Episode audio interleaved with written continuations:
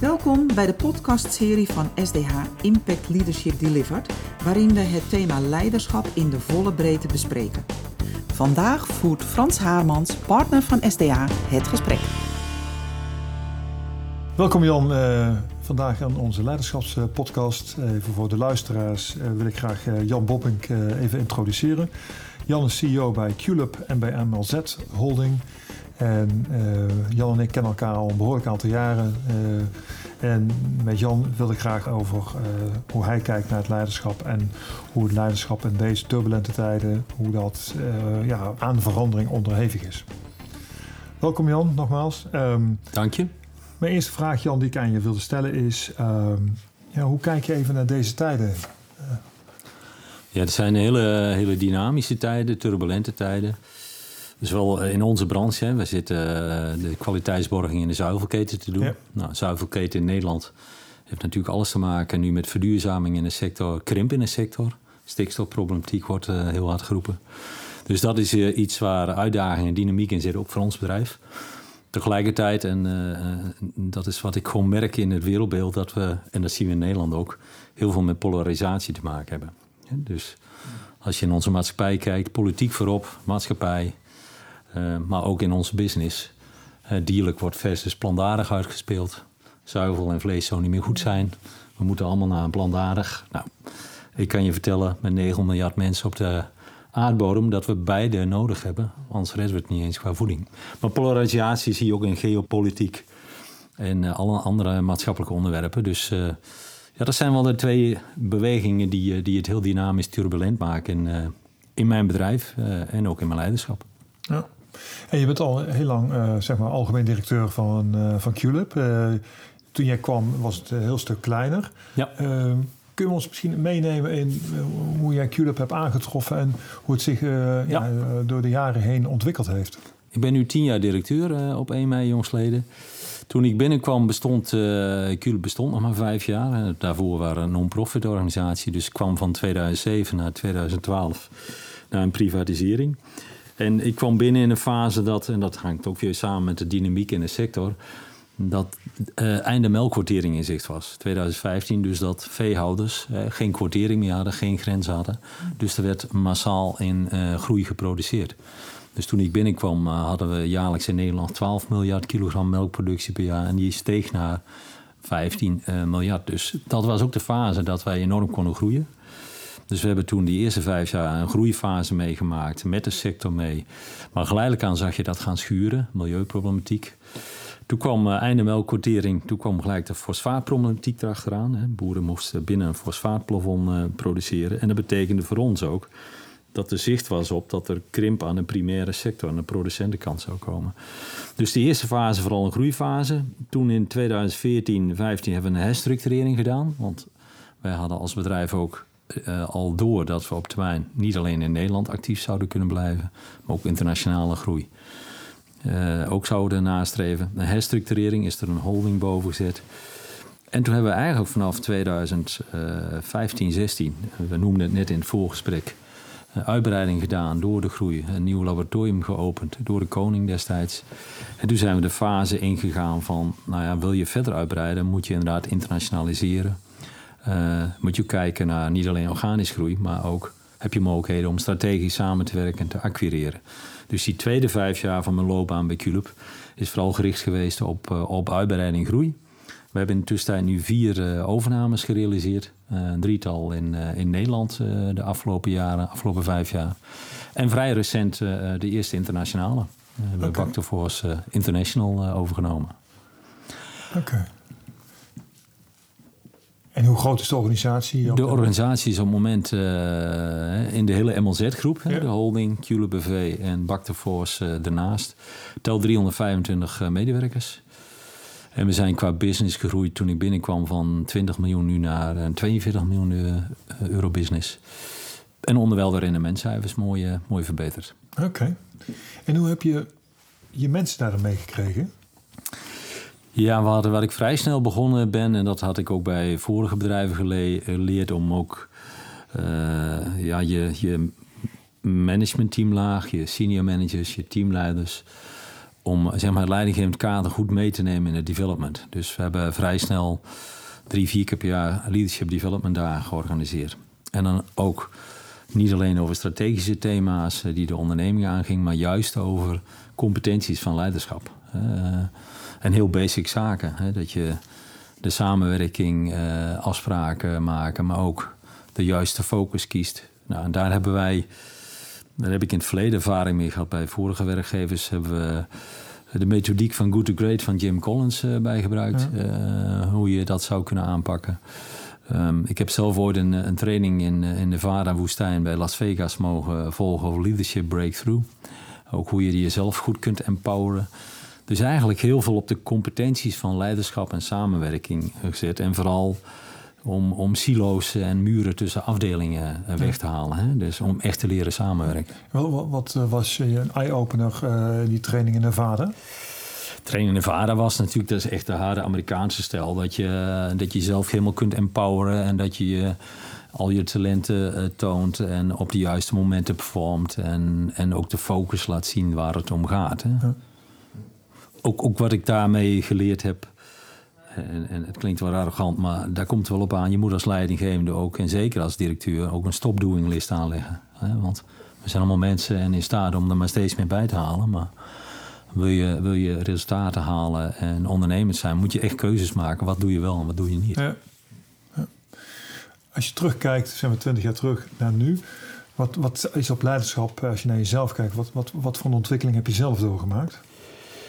Um, zelf doorgemaakt toch wel uh, het loslaten van uh, hè, naarmate een onderneming groeit, dat je niet meer overal en alles mee uh, bezig kunt zijn.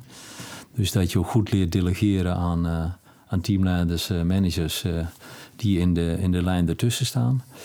Um, en vooral ook de ontwikkeling van denken in oplossingen. Niet altijd denken in de problematiek en, en, en de problemen. Um, wat ook heel belangrijk vind ik, maar dat is de laatste vijf jaar mij duidelijk geworden. Zeker omdat ik, ik ben nu 61 en ik kom vanuit de X-generatie. Ja, dat je goed oog hebt voor de Y- en de Z-generatie, de nieuwkomers in bedrijf. En daar zie ik nog wel, ja, daar heb ik zelf ook nog een, stukje ontwikkeling, leerschool door te maken. Maar ik denk dat dat iets is wat ik anderen mee wil geven, van richt je daar goed op. Want dat is de jeugd die de toekomst heeft en die je ook moet werven. En in de huidige arbeidsmarkt is het moeilijk werven. Ja, die moet je goed begrijpen, moet je goed mee omgaan en, uh, en, en een goede uitdaging bieden. Wat zie je dan als grote verschil tussen de, uh, je komt zelf uit de X-generatie, uh, met de Y- en de Z-generatie? Het grote verschil is, en daar, heb ik niks geen negatief oordeel over, maar dat de X-generatie langer loyaal is en, en, en, en vasthoudend is en uh, ook al gaat het iets minder, gewoon blijft. Terwijl de jongeren alles uit leven wil halen, snel wil ontwikkelen. Uh, daarnaast in de maatschappij ook van alles wil betekenen. En die kan soms om drie jaar om, om een loonsvogel of een andere uitdaging maar zo weg zijn. Hè? Nogmaals, niet negatief, goed of fout, maar daar heb je mee te dealen. En wat vind je dat de X-generatie uh,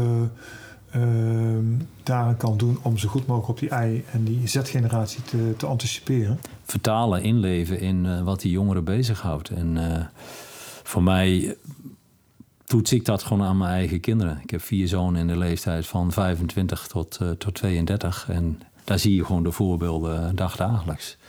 En daar goede discussies over voeren. Maar ook binnen het bedrijf gewoon met die jongeren in gesprek gaan. Ja. Wat is dat dan dat je nou zo snel een uitdaging wilt zijn? Hè? De jongeren, en dat is ambitieus, is dat heel goed. Die zal een jaar zeggen, ik wil directeur worden, ik wil je opvolgen. Nou, prima, heel goed die ambitie. Maar mm, daar zitten nog wat stappen tussen voor je daar misschien bent. Ja. En, en, wat zeggen ze dan? Ja, maar dan willen ze toch weten, hoe kan ik dat zo snel mogelijk doen? Ja. Uh, geef mij de tips. Uh, en dat is niet alleen maar om die directiefunctie, maar dat gaat in de regel... Men is heel snel, uh, moet een nieuwe uitdaging hebben, een nieuwe ontwikkeling. En dat heeft natuurlijk ook alles met uh, vooral de Z-generatie is de internetgeneratie. Hè? Het is allemaal vluchtig, social media, uh, ja. alles wordt gedeeld.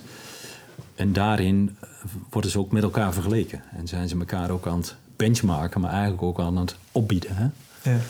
Tegelijkertijd zie je bij die, vind ik de I- en de Z-generatie ook nogal snel uh, stressachtige en burn-out-achtige problemen. Omdat ze ze kunnen ook niet kiezen, want ze, ze moeten naar dat festival, uh, ze moeten het werk doen, uh, ze moeten dit meemaken, dat meemaken. Uh, bedoel ik niet negatief, maar ik zou ze dan mee willen geven, leren omgaan met goede keuzes. En ja. leren omgaan met op het juiste moment de juiste focus. Ja. en ik, ik heb altijd een hele simpele waar, waarheid die draait, draait in je leven, in je carrière, of je nou jong of oud bent, om, om de vier P's. Hè. Het gaat om plezier in het werk.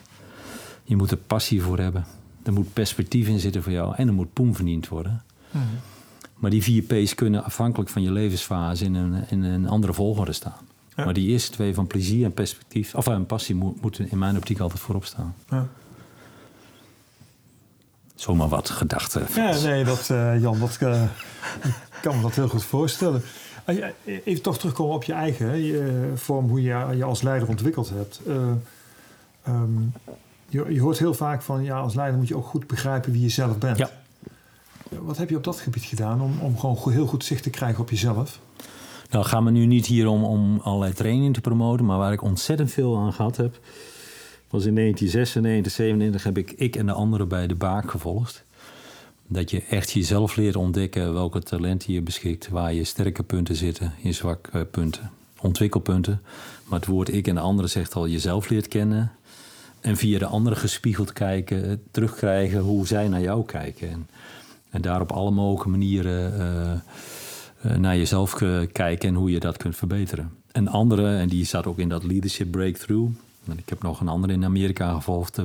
Power communication is van ja, ben je visueel ingesteld, ben je auditief ingesteld, gevoelsmatig ingesteld, dat je, dat je dus heel goed jezelf in beeld hebt en weet hoe, hoe jij reageert, maar ook hoe anderen dat percipiëren en hoe je, hoe je daar weer mee om kunt gaan.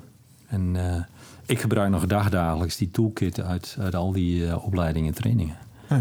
het gaat uiteindelijk om, of het nou voor een hele grote onderneming staat of één op één gesprek wil je, je, wil je allebei en wil die onderneming en kun je allebei. Het gaat ja. uiteindelijk om het willen en kunnen. Ja.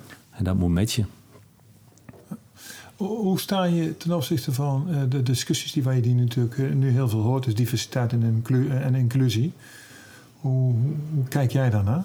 Ik vind, ik vind dat een goede discussie en uh, dat is ook de spiegel van de samenleving. Dus ik vind dat je daar gewoon rekening mee moet houden in je bedrijf. En hoe vertaal jij dat naar jouw organisatie? Nou, in onze organisatie, uh, we hebben natuurlijk mensen in verschillende leeftijdscategorieën zitten, maar ook uh, vanuit verschillende achtergronden, van verschillende nationaliteiten, verschillende genders. Ik kan niet verder op detail ingaan, maar we maken zelfs transities mee van, van mensen die uh, van het ene geslacht naar het andere geslacht willen gaan. Maar ik denk ook aan uh, werkervaringsplaatsen aanbieden. Voor, we hebben op het moment iemand in Zutphen die, die, ja, die een, een bepaalde handicap heeft en die, die bieden we die plaats aan. En die, die komt echt tot bloei tot leven in ons bedrijf. Ja.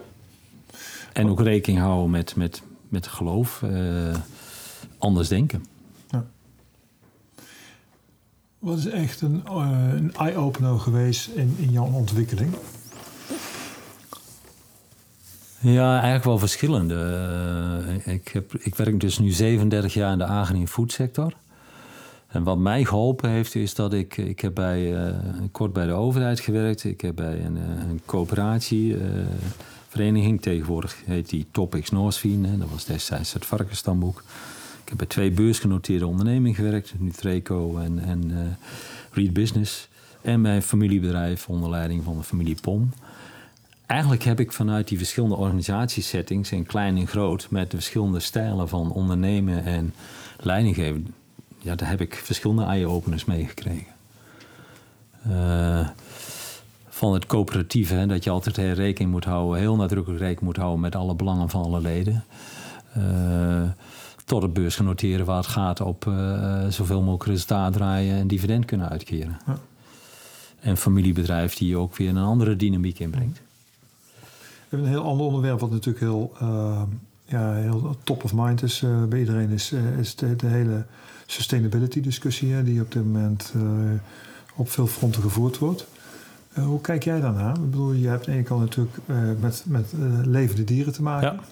Ja. en laat ik even zeggen, die op een bepaalde manier ook bijdragen aan de CO2-productie. anderzijds heb je te maken met die producten die daaruit voortkomen die essentieel zijn voor, voor onze levensbehoeften. Ja. Nee, we zitten, zitten precies op dat snijvlak. En uh, doet de kwaliteitsborging in de zuivelsector.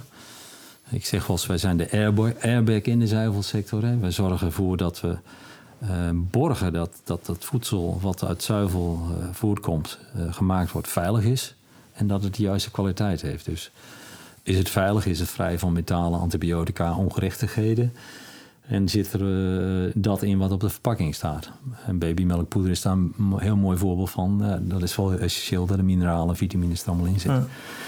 Dus we zitten op een heel mooi snijvlak. Tegelijkertijd weten wij ook in de wereldwijde discussie, en zeker in Nederland met de milieuproblematiek, ja, dat er druk op zit. Hè, op de omvang van, van die veehouderij, eh, de footprint, wat je net al zegt.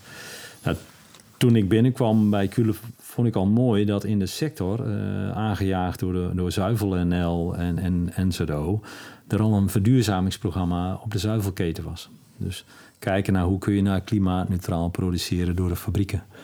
Hoe kun je de, het dierenwelzijn uh, bevorderen? Hoe kun je de biodiversiteit uh, bevorderen? Uh, Nederland is het enige land ter wereld waar het weidegang omarmt. Waar we heel belangrijk vinden dat de koeien buiten lopen. Geen enkel ander land heeft dat programma. Dus wij lopen eigenlijk in Nederland best wel heel veel voorop. Moet ook, want ja, dat vraagt de maatschappij en de consument. Dus die, die sector is daarmee bezig. Andere kant zie ik dat voor ons als bedrijf ook weer als kans.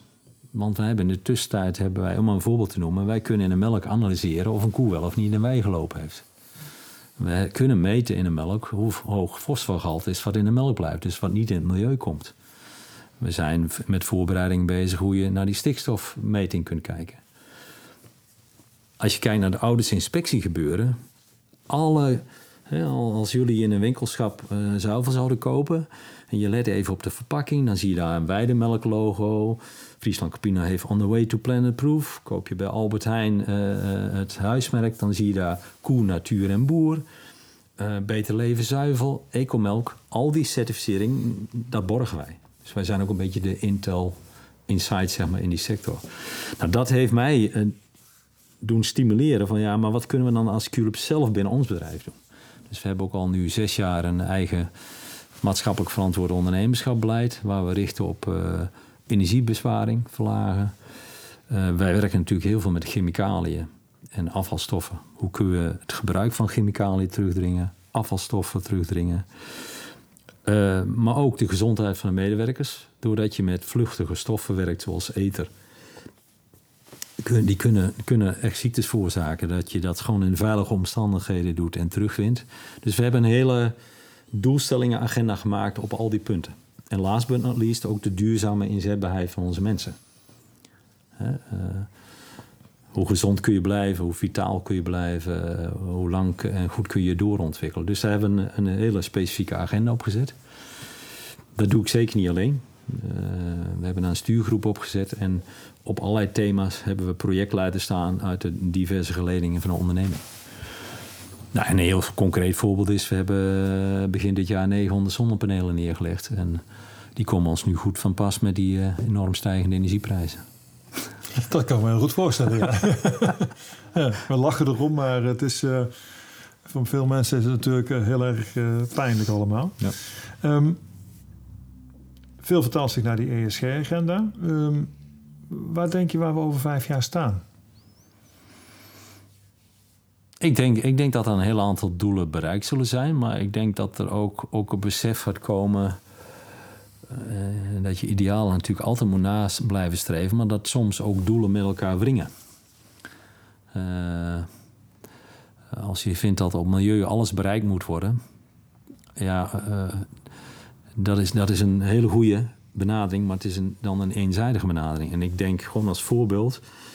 En dan pak ik Nederland even als voorbeeld en dichtst voor mij bij is natuurlijk de stikstofproblematiek, waar vooral de schuld bij de veehouders neergelegd wordt. Dat is ten dele ook, is ook zo, maar we vergeten het plaatje dat we in Nederland gewoon, uh, uh, toen ik op de basisschool zat, 12 miljoen inwoners hadden. We hebben er nu uh, bijna 18. En tussentijd is de wegenbouw gegroeid, uh, woningbouw gegroeid, industrie toegenomen. De landbouw is vele malen gekrompen. We willen steeds meer natuur. Er moeten wolven van alles moeten rondlopen. Eigenlijk is het probleem een ruimtelijke ordeningprobleem. En, en wat ik zou willen oproepen is, en dat, dat zie je, vind ik veel te weinig in de politiek, maar ook andere geledingen, en dan komt weer op die polarisatie aan, dat men veel te weinig een geïntegreerde benadering kiest. En men benadert eenzijdig, we moeten dat stikstofprobleem oplossen vanwege dat natuurbehoud. Maar vergeet gewoon van, ja, wat voor andere problemen brengt dat met zich mee? Uh, en dan kun je zeggen, ja, dan moeten we ineens die snelheid op, op, op de snelweg verminderen. Maar hoe krijgen we dan toch die woningbouw vlot? Uh, terwijl je weet dat je geen vierkante meter grond erbij krijgt in Nederland. Hè? Het, het, het, is, de een gaat ten koste van de ander. Uh, dus ik denk, ik denk dat in sustainability en in, in, in, in die uh, agenda, dat je daar altijd een belang en afweging moet houden met wat is maximaal mogelijk in een land of in Europa. Mm -hmm. Uh, en welke andere drijvende factoren moet je ook goed rekening mee houden? Ja. Hoe vind jij dat de agrarische spelers in de markt hierop reageren? Dus je hebt zeg maar Farm Defence Force, je hebt LTO, je hebt de Friesland Campines van deze wereld. Nou, ik denk dat ieder zijn hele goede rol heeft. Farmers Defence Force is natuurlijk heel goed in het wakker schudden en het, het aanjagen en duidelijk maken van een problematiek. Ik denk dat een LTO veel meer de, de weg kiest van uh, gesprekspartner blijven en, en het proberen te beïnvloeden en lobbyen. Nou, en dan de, de, de verwerkende industrie en de toelevende industrie heeft natuurlijk een indirect belang. Ja, die zullen op hun manieren ook proberen daar uh, ingang te vinden. Um, alleen wat je ziet is dat, dat uh, nogmaals, dat is geen verwijt, maar een constatering dat we moeilijk in staat zijn om over de bühne te brengen hoe, hoe de feiten echt zijn. Hè? En en dan kom je weer in dat spel in de politiek en de maatschappij van... Nou, als er maar genoeg mensen roepen dat we milieuvervuilend bezig zijn... Uh, ja, dan gaat dat de overhand uh, krijgen. En, ik geef maar een heel, simpel voorbeeld. Er zijn nu al twee keer is een top 100 lijst geproduceerd, uh, afgemaakt door RIVM in opdracht van de overheid over, over de meeste stikstofvervuilende bedrijven in Nederland. Twee keer is die lijst fout, maar twee keer stond op die lijst stond een aantal veehoudeриjondernemingen die er te onrechte op stonden. En daar blijft het bij hangen. Maar ik denk dat de publieke opinie denkt van... ja, die boer is toch weer aan het vervuilen... terwijl de werkelijkheid iets genuanceerder ligt. Ja. Maar wat, wat, kan de boer daar uh, aan doen om ervoor te zorgen dat die beeldvorming... Positief, ja, uh, eigenlijk, alleen, maar, alleen maar positief de deuren openen en in gesprek gaan, laten zien Ehm, en, en met elkaar proberen die boodschap goed, goed over te brengen. Wat je wel ziet, wat ik nu te veel vind, doordat je eh, LTO, Farmers Defence Force en allerlei groepen hebt, het gaat versplinteren. Hè? En, en, en, er is te weinig uh, een eendrachtige benadering uh, naar de politieke maatschappij om, om die boodschap weg te brengen. Dat zou wel moeten verbeteren. Maar ik heb de oplossing daar niet voor. Ja. Ja, je zit met heel veel verschillende stakeholders, ook in de agrarische sector. En iedereen heeft zo zijn eigen belang. En dat, dat zie je nu heel duidelijk terugkomen in, in die versplintering van al die groepen gewoon. En de politiek en, uh, en bepaalde belangenorganisaties spelen daar gunstig of minder gunstig op in. Ja. Maar tegelijkertijd, uh, milieubewegingen en, en de MOB-beweging die, uh, die juridisch systeem toetst, hoe vervelend we dat ook in de landbouw vinden, maar het is op zich wel goed. Want ze toetsen wel het systeem uh, of, of op basis van overheidsbeleid en wetgeving zaken zuiver en goed gebeuren. Wat daarbij wel moet spelen is dat, dat vind ik, dan moet je daar alle sectoren aan toetsen. Hè? Dus zo gauw dat het over luchtvaart gaat of over Tata Steel, dan worden we ineens zenuwachtig in de politiek. Maar terwijl het om 14.500 verschillende melkveehouders gaat, dan, dan is het een ander verhaal. Hè? Dan, hè, dus, dus ja, daar, daar, daar ligt ook uh, verschillende compassies liggen daar. Ja, ja. Wat zou je als je, als je nu, uh, ja, je, je, bent 37 jaar, zit je in die agri-foodwereld. Wat, uh, wat zou je de, de jongeren mee willen geven? Ja, even los van agri-foodwereld zou ik willen zeggen van... Uh, zeker de jongeren die binnenkomt, hè, dan hebben we het weer over die I- en Z-generatie... Uh, uh, word niet te snel zenuwachtig. Denk ook aan, aan de koersvastheid naar je toekomst, wat je echt wil bereiken. en dat je wilt ontdekken en fladderen en, en van alles mee wilt maken, zou ik alleen maar toejuichen. Maar, maar probeer uh, ook al op jonge leeftijd een, een, een, serieus plan voor jezelf voor de toekomst uit te stippelen. Hm. Uh, um, dat is één ding. Aan de andere kant ook koester ook de waarden en normen die oudere generaties in een bedrijf hebben. En, en ga ook met hen in gesprek waarom zij het doen zoals zij het doen. Ja, ja ze komen natuurlijk ook vanuit het verleden. Ja, ja. Maar dat is meer algemeen. Ja. En uh, ja, ik, ik, denk, denk als je kijkt naar de agrarische sector, van uh, ja, er zijn verschillende wegen natuurlijk naar de toekomst hoe je, hoe je, hoe je voedselproductie kunt realiseren. Dus ook, ook de nieuwe mogelijkheden verkennen. En niet alleen de traditionele uh, aanpak, maar ook wat alternatieven kunnen zijn. Hè? Dus, dus het feit, noem ik, kom, kom ik even terug op, op, op dierlijk versus plantaardig. Het feit dat er zuivelalternatieven zijn, zuivelvangers, juich ik alleen maar toe. Uh, want je hebt beide gewoon nodig. En, de, en het is niet alleen een trend, er is ook een behoefte aan. Mm um, dus, dus, die verkenning in de breedte, uh, dat vind ik alleen maar mooi. Dat, ja. dat ook de jeugd dat ook wil doen en gaat doen. Je ziet wel dat er steeds meer uh, teruggezet wordt op biologisch. Uh, eh, maar daar, daar, hoor je heel veel wisselende verhalen over. Hoe kijk jij dan aan? Nou, er is zeker markt voor biologisch en dat is ook een hele goede sector met goede uitgangspunten. Alleen de uitdaging in Nederland is, wij hebben in Nederland heel veel mensen met heel veel idealen en die praten er heel goed over. Maar wij zijn, als Nederlanders zijn we uiteindelijk prijskopers. En in de winkel bepalen we of we dan echt de waarde over hebben voor biologisch of een alternatief wat duurder is. Um, ik, ik merk dan dat, ja, dat een gemiddeld gezinsinkomen en, en die daaronder leeft, die heeft helemaal de ruimte en het geld niet voor om zich dat te permitteren. Dus die gaat altijd uh, op de prijskoopjes af. Maar ik merk ook in mijn omgeving van mensen die, uh, die toch goed verdienen en ideaal hebben, maar die dan in de winkel toch ook die keuze maken. En het gaat mij erom dat het niet, niet moet polariseren. Ik heb er helemaal geen moeite mee als je ene keer uh, goedkoop koopt en de andere keer iets exclusiefs biologisch koopt ik denk dat, dat, dat je die flexibiliteit, variatie uh, gewoon moet toelaten. En dat dat ook consument eigen is. Um, wat wil ik daarmee zeggen? Er zal zeker biologisch groei zijn. En er zal ook groei zijn in de markt voor alternatieven van zuivel en vleesvervangers.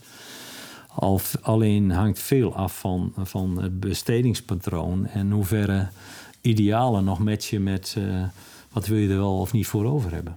Ja. Kijk, als je een voorbeeld kijkt naar uh, de Duitse consument. De Duitse consument waardeert bijvoorbeeld uh, zuivel en vlees veel meer dan de Nederlandse consument. In Duitsland gaat men minder op de toer naar zuivelvervangers, wat wij willen. Maar in Duitsland zegt men, laten we dan aan zuivel zaken toevoegen die dat product nog aantrekkelijker maken. Dus die beginnen als basis met zuivel en voegen daartoe ik zeg niet dat het goed of fout is, maar die hebben dus een heel ander beeld van, uh, van wat duurzaam is en wat goed is en wat voedsel verantwoord en veilig is dan wij in Nederland hebben.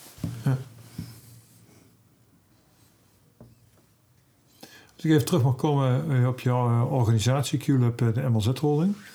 Uh, je hebt een flinke groei gerealiseerd.